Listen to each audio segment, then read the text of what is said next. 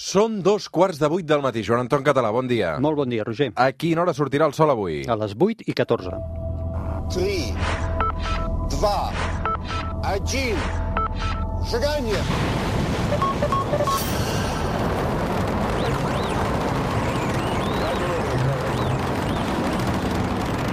One small step for man.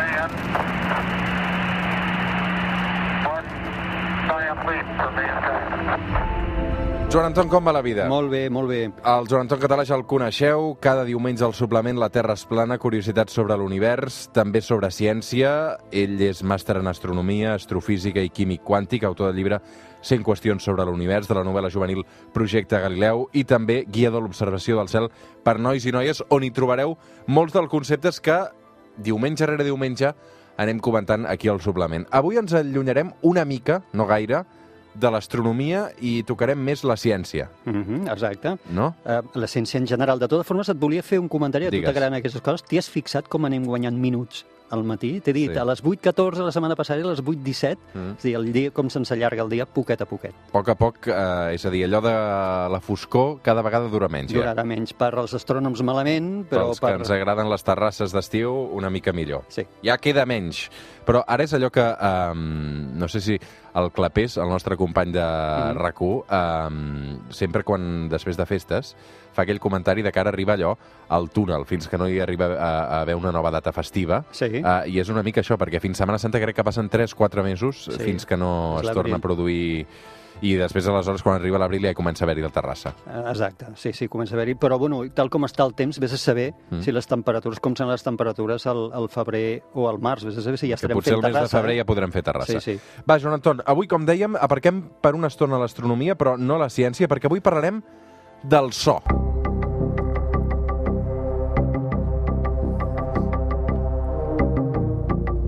Per tant, avui una secció molt radiofònica, Joan Anton. Sí, sí, sí, sí. Uh, de totes formes, veuràs que hi ha un tema que separa una mica la creença popular del so ràdio igual només a so, i veurem que ràdio és molt més que això, que so més llum. Eh? I això, Més això ones, ara ho explicaré. no? Més ones de llum, eh? ones de, de so i ones de llum. Va, Ara primer de tot, com definiries el so, Joan Anton? El so és simplement una vibració provocada per una ona de pressió. És dir, per tant, tenim una ona de pressió, que ara explicarem com es forma, com es genera, i això fa una vibració que fa que un mitjà es mogui. Això és el so. Això és el so. Sí, això és el so. Jo sentia això i et veia fer aquests cops i deia, això és que no li funciona el micro? No, això és que estàvem fent so, so. A veure, els humans associem el so a tot el que podem captar, el que sentim, no? Eh, exacte. Eh, de totes formes, hem de dir que el so és molt més general que això. Igual com ho hem parlat de la llum, cura, aquí faig una falca, llum i so no són el mateix, però des del punt del, del concepte que vaig explicar, sí compartirien això, el so és molt més que el que escoltem. Per tant, hi ha una part de so que és el so audible, que és el que nosaltres, els humans, som capaços de percebre, però el so és molt més ample que això.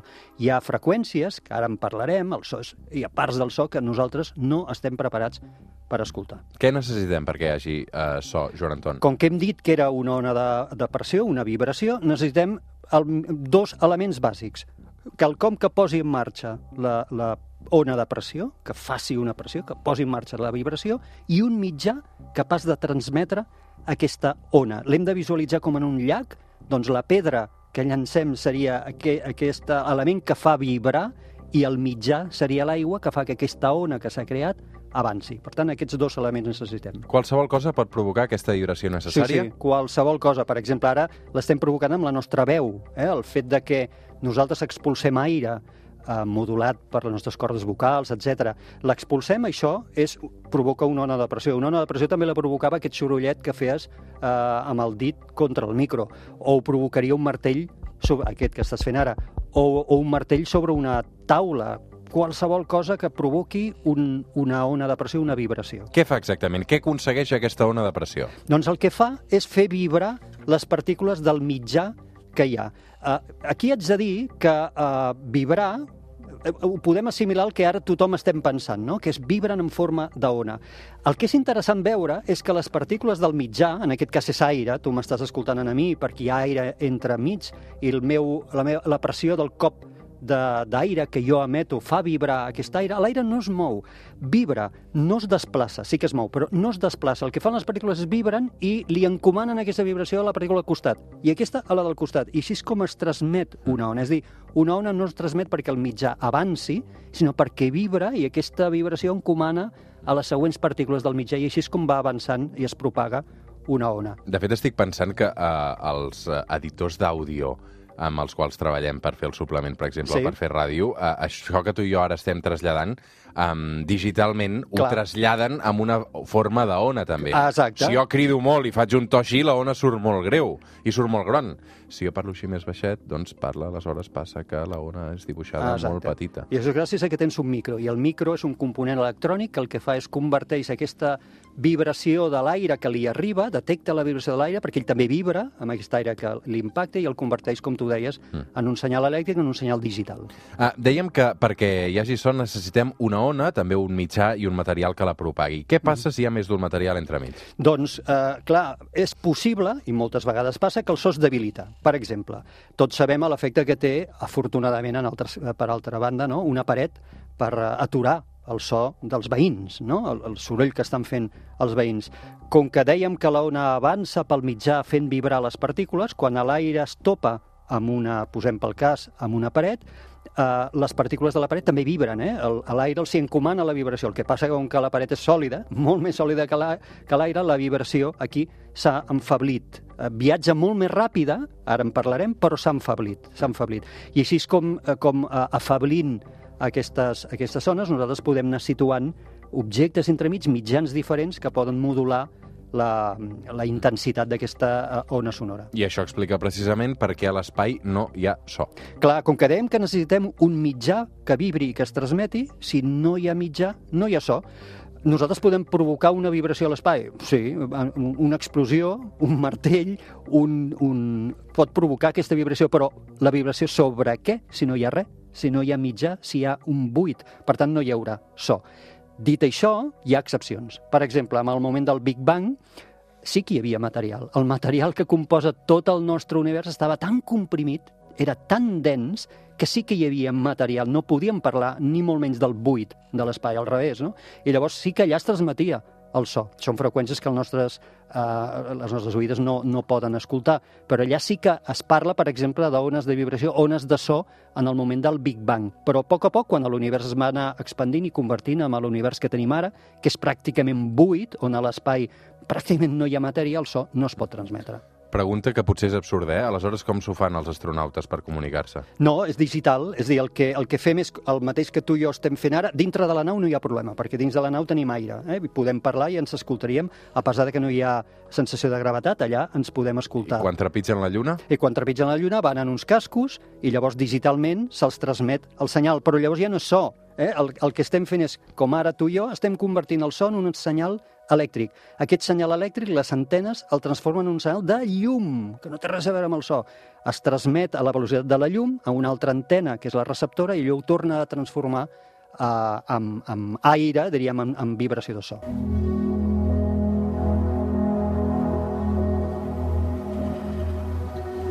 Som al suplement Som a Catalunya Ràdio, avui amb el Joan Anton Català dedicant tot un capítol de la Terra es plana al so. Uh, parlem del material. Uh, el material afecta el so? És molt important això, sí, sí, sí. Com que hem parlat d'una vibració d'un mitjà, eh, a diferència de la llum, que no necessita cap mitjà per transmetre's, aquí sí que necessitem mitjà, per tant el mitjà afecta el, a com de ràpid es transmet el so. Per exemple, a l'aire, a l'aire que és el nostre mitjà típic per la veu, no? Doncs a l'aire hi ha 20 graus de temperatura i la pressió estàndard que tenim, diem que la velocitat del so és 343 metres per segon. Cada segon el so, la ona aquesta avança 343 metres. Uh, però, per exemple, dins de l'aigua, aigua pura també a 20 graus, la velocitat és molt superior, 1.482 metres per segon. Per què? Perquè és més densa, és més densa i, per tant, la vibració de les partícules s'encomana molt més ràpid a les següents. En general, com més compacte i més dens és un mitjà, més ràpid es transmet el so en aquest mitjà. Mm -hmm. Joan Antoni, pel que fa a les zones, uh Mhm. -huh. uh, què me'n pots explicar? Què és la freqüència, per exemple? Com que són ones, doncs fas bé de preguntar-me les propietats típiques de les ones. Les freqüències és els cops per segon que vibra. Aquesta ona que tots ens imaginem, que es transmet pel mitjà, és els, co els cops per segon que vibra. Això ho mesurem en hertz, eh? que és una, una unitat que ens pot sonar i, per tant, eh, les freqüències molt altes, que vibren moltes vegades per segon, nosaltres les percebem com agudes, com so agut. Eh? I les més greus, les percebem, les que percebem com més greus són freqüències baixes, per tant, que vibren molt poc, cada segon vibren pocs, pocs cops per segon. Escolta'm, i quan parlem de freqüències de ràdio, eh, és de les mateixes freqüències que, estem, que m'estàs comentant ara? No, i aquí està la cosa interessant. No, no, no. no. Uh, per tot això que explicàvem, eh? ara la meva veu i la teva, eh, un micro els està convertint en un senyal elèctric que després una antena converteix en llum. Uh, la llum també és una ona i per tant també té freqüència, però les freqüències de la llum no tenen res a veure, són altíssimes, altíssimes comparades amb el so, no és so.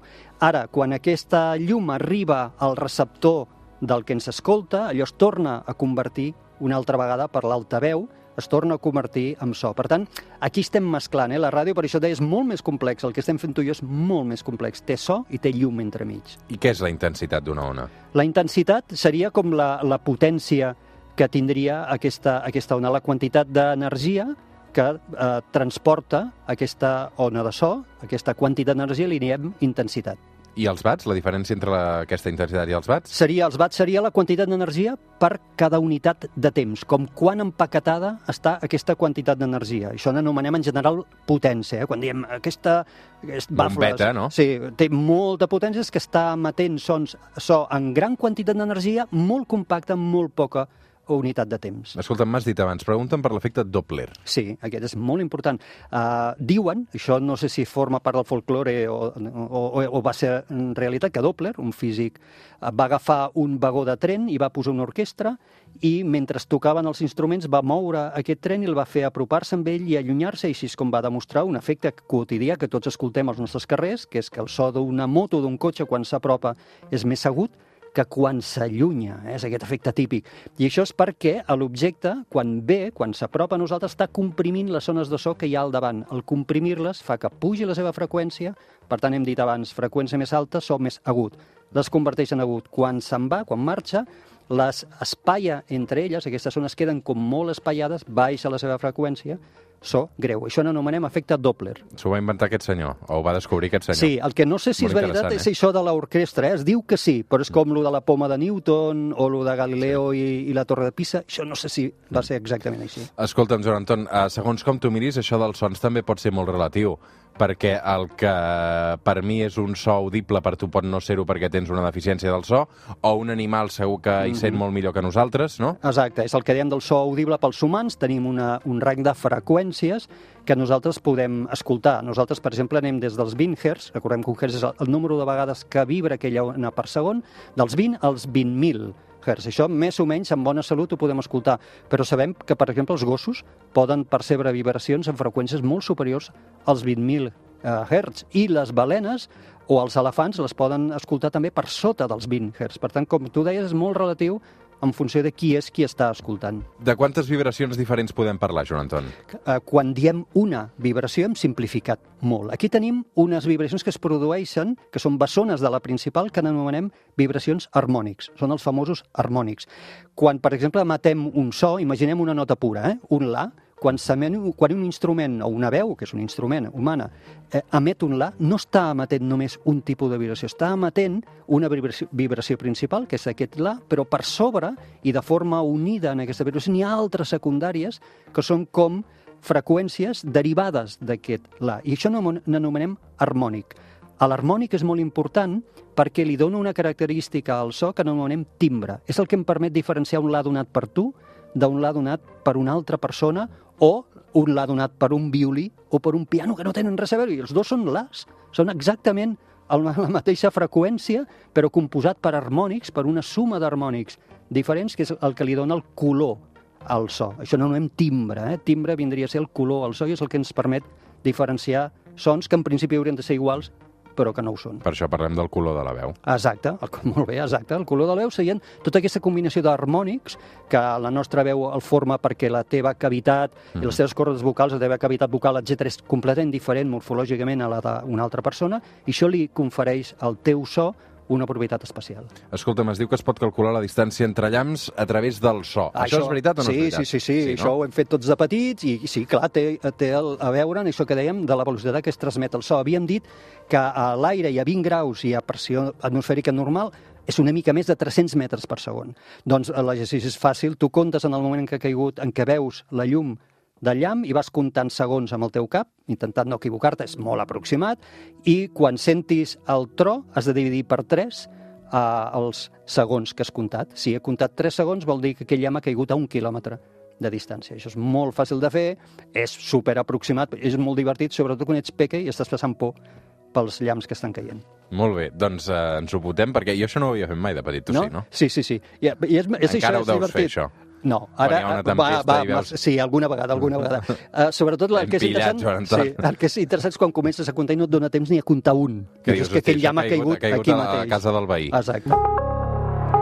Un altre experiment, Joan Anton, eh, que potser ens sona també, el de fer vibrar un diapasó tocant-ne un altre. Exacte, sense, sense, exacte, tocant-la vol dir fent que soni, però sense que tinguin contacte un entre l'altre.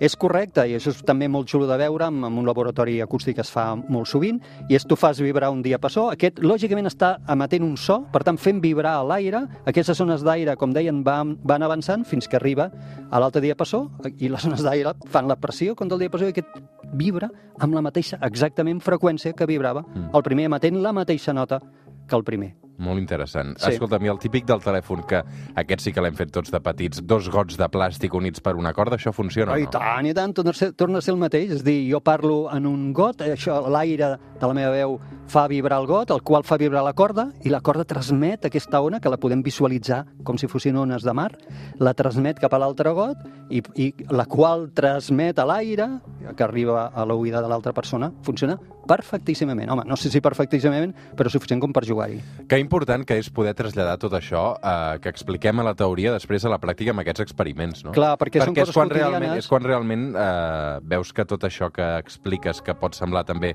molt teòric, no? Ens afecta i està, és, són efectes quotidians, l'efecte Doppler que dèiem, no? El per què? Molta gent s'ho pregunta, segur que s'ho ha preguntat en algun moment, no? Per què canvia aquest so de la moto quan ve i quan marxa, no? Doncs per això que hem dit. O per què funciona el tema del got dels nens? O per què funciona el tema dels llamps, que em, van dir els meus avis que s'hi comptava... Doncs sí, sí, tot això són efectes quotidians que es deriven de- d'entendre com funciona el so. Sovint parlem de la contaminació lumínica. Uh, la contaminació acústica també existeix? I tant, i tant, i s'està està esdevenint, com tots sabem, un problema molt greu en zones urbanes, fins al punt de que hi ha molta legislació, comença a haver-hi molta legislació, crec, fins on jo sé que són en moltes vegades, en molts casos, legislacions de tipus urbà, és dir, que cada ciutat um, fa les seves pròpies uh, regulacions i que, lògicament, tenen a veure coses com la zona, no és el mateix la regulació, per exemple, acústica que hi pot haver al costat d'una zona on hi hagi hospital, d'on no, i d'hores. No és el mateix la regulació acústica que pot tenir una ciutat eh, durant el migdia que a hores de, de, de la matinada, no? I això és molt important. I a Barcelona crec que s'han posat les piles també en aquest sentit. És que és obligat, és obligat, perquè fixa't el que anomenem contaminació. Igual que la contaminació de llum, la contaminació acústica són sons que no necessitem.